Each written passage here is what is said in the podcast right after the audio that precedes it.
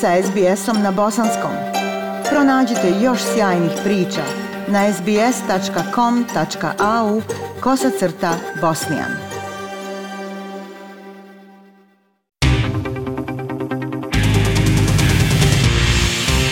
Slušate program SBS radija na bosanskom jeziku. U narednim minutama govorimo o prvom susretu Nacionalnog kabineta Australije pod vođstvom Antonija Albanizija. Premijer je zaključio svoj prvi sastanak nacionalnog kabineta u petak, rekavši da je bio održan u dobrom raspoloženju.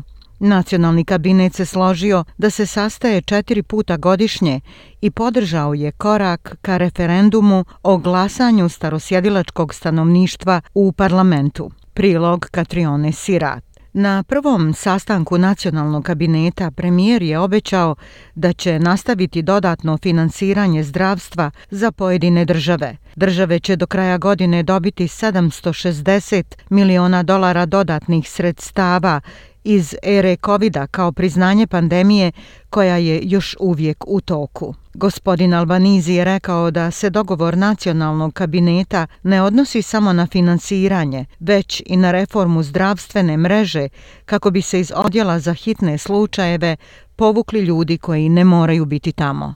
Premijer Novog Južnog Velsa Dominik Perotej pridružio se drugim državnim i teritorijalnim čelnicima, pozdravljajući dodatno finansiranje. I think in addition to that today what's incredibly pleasing is a real focus of working with the states and territories in relation to substantive health reform going forward. Mislim uh, da je danas, pored um, toga što je nevjerovatno ugodno, pravi fokus rada sa državama i teritorijama u vezi sa suštinskom zdravstvenom reformom reformom koja ide naprijed. Ovo je nešto što je predugo bilo u pretvrdom košu.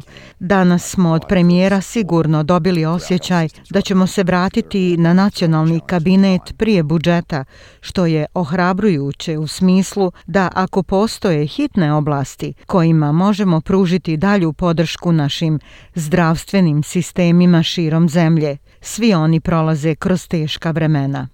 Pored proširenja finansiranja zdravstva, gospodin Albanizi se pozabavio i za ostatkom u zahtjevima za vize i nedostatkom kvalifikovanih radnika. Premijer kaže da imigracioni sistem i dalje pati zbog zaostalih viza iz ere covid što predstavlja ogroman pritisak na Ministarstvo unutrašnjih poslova. Gospodin Albanizi je obećao da će učiniti više da pomogne preduzećima koja se bore da dovedu radnike iz inostranstva i dodao je da su ljudi iz ministarstva odlučni da riješe zaostale slučajeve. And they're waiting 12 or 18 months uh, before they're actually able to take their place in workplaces around the country. That's placing pressure in construction, in infrastructure, it's leading to increased costs. Oni čekaju 12 ili 18 uh, mjeseci prije nego što zaista zauzmu svoje mjesto na poslovima širom zemlje. To stvara pritisak u građevinarstvu, infrastrukturi. To dovodi do povećanja troškova. Isto tako, to također vrši pritisak na pružanje usluga kratkoročna migracija će morati biti dio rješenja za nedostatak kvalifikovanih radnika radnika i mi ćemo raditi sa poslovnom zajednicom kao što ćemo i nastaviti saradnju na rješavanju tih problema, rekao je premijer Albanizi. Nacionalni kabinet također je izrazio podršku posvećenosti Albanizijeve vlade održavanju referenduma o glasu starosjedilačkog stanovništva u parlamentu. Gospodin Albanizi kaže da će podrška država i teritorija pomoći da se osigura uspjeh prijedloga iz dokumenta Uluru izjava iz srca. As uh, one of my colleagues here said, uh, if not now, when? And we're very concerned that five years after the Uluru Statement from the Heart, uh, this reform Kao što je uh, jedan od mojih kolega rekao, ako ne sada, kada? I veoma smo zabrinuti da će pet godina nakon Uluru izjave iz srca ova reforma jednostavno nestati. To je nešto što mora napredovati ove godine, ovog mandata i zato trebamo podršku država i teritorija. Naravno, ustavna promjena zahtjeva većinu. Četiri od šest država sa većinom u cijeloj zemlji da bi se poboljšala.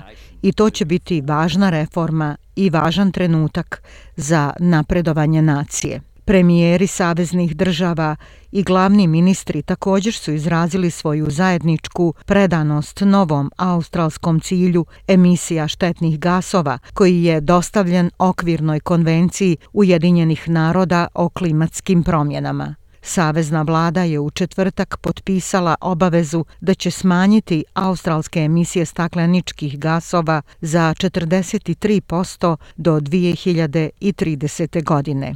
Ja sam Aisha Hadži Ahmetović. Ostanite uz program SBS radija na bosanskom jeziku. SBS na bosanskom. Podijelite naše priče preko Facebooka. Želite poslušati još ovakvih priča? Slušajte preko Apple podcasta, Google podcasta, Spotify ili kako god da primate svoje podcastove.